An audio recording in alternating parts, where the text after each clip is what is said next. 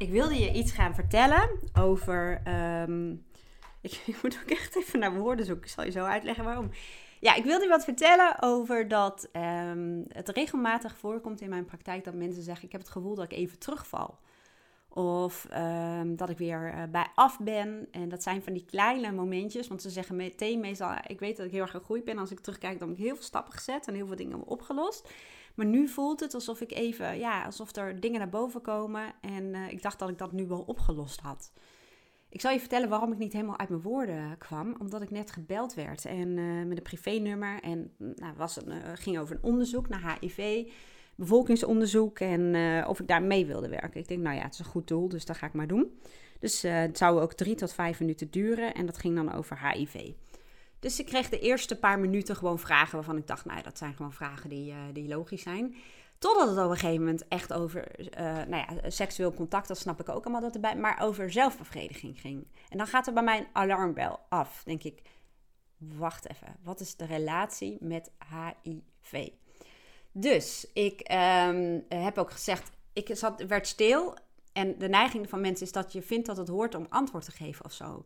Maar ik, ik, ja, het klinkt een beetje zo, ik heb dit proces al doorgaan. Ik weet, ik luister heel goed naar mijn eigen behoeften. Ik, wil hier maar geen antwoord op geven. Ik zei, ik wil er geen antwoord op geven. En wat is de relevantie met het HIV-onderzoek? En toen zei hij, ja, het is eigenlijk een groter onderzoek over uh, seksueel gedrag. En toen dacht ik, ik voelde gewoon toen ergens iets, wat ik trouwens in het begin niet zozeer had, van... Hmm, dit klopt niet. Dus hij stelde nog wat vragen en ik heb vanaf dat moment uh, heb ik op vragen waarvan ik dacht, nou, daar geef ik antwoord op, geef ik antwoord op. Maar ik voelde al wel, dit, ik weet niet, ik vind het raar. Dus ik zei ook, maar even, ik zeg, ik uh, vind dat geen fijne vragen. Ja, ja, dat snapte hij. Ik zeg, en daarnaast, ik zeg, aan het begin van het gesprek vertel je mij dat het over HIV gaat. Ik zie de relevantie niet.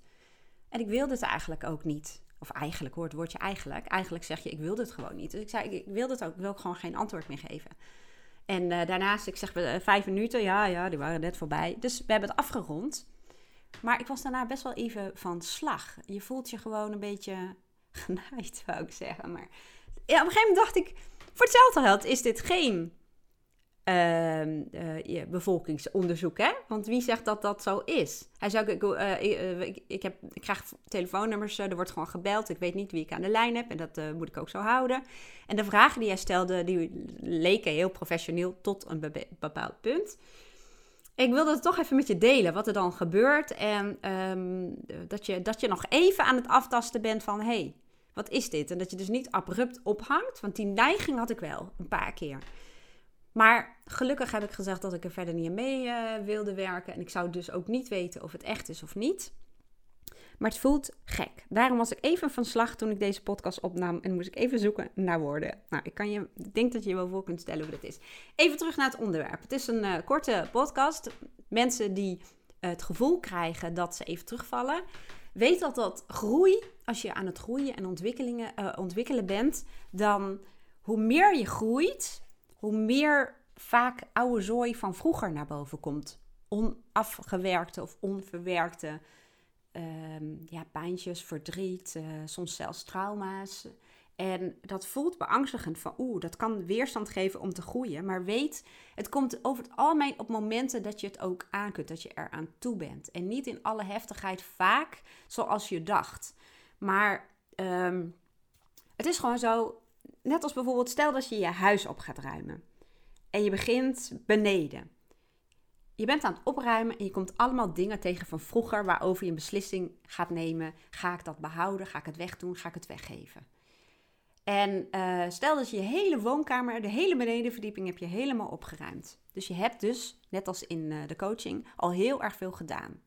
Dus je gaat letterlijk en figuurlijk, ga je de trap op naar een hoger niveau. Je bent op een hoger niveau. Maar daar zitten, zijn allemaal kamers met ook allerlei dingen van vroeger. Daar ga je weer opruimen. En daar kan je het gevoel bekruipen dat je weer met dezelfde oude shit aan het dealen bent. of, of andere oude shit. Maar weet dus in deze metafoor, je bent omhoog geklommen. Je bent een niveau hoger. Maar ja, daar liggen nieuwe dingen, of, of nou ja, eigenlijk oude dingen moet ik zeggen, die ook opgeruimd willen worden. Dus stel dat je de eerste verdieping ook helemaal opruimt, netjes maakt en hup, weg ermee. Dan ga je naar de volgende verdieping, de zolder.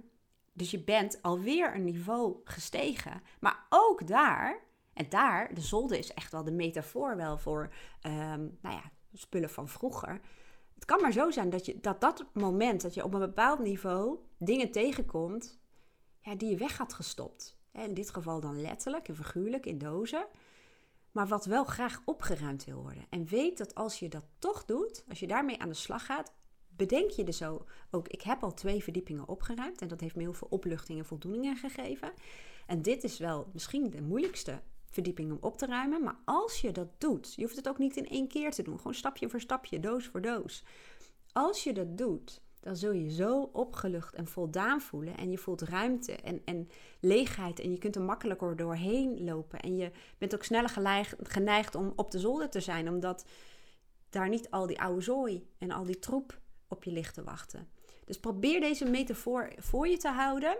Ik zal ook een, uh, een uh, tekening uh, maken over hoe mensen vaak kijken naar een groeiproces. Dat is één stijgende rechte lijn naar boven. Dat is het idee wat veel mensen hebben van een groeiproces. Maar zo werkt dat niet. Het is een, een, een hobbelige lijn waar af en toe wat um, ja, gultjes in zitten waar je even in blijft hangen.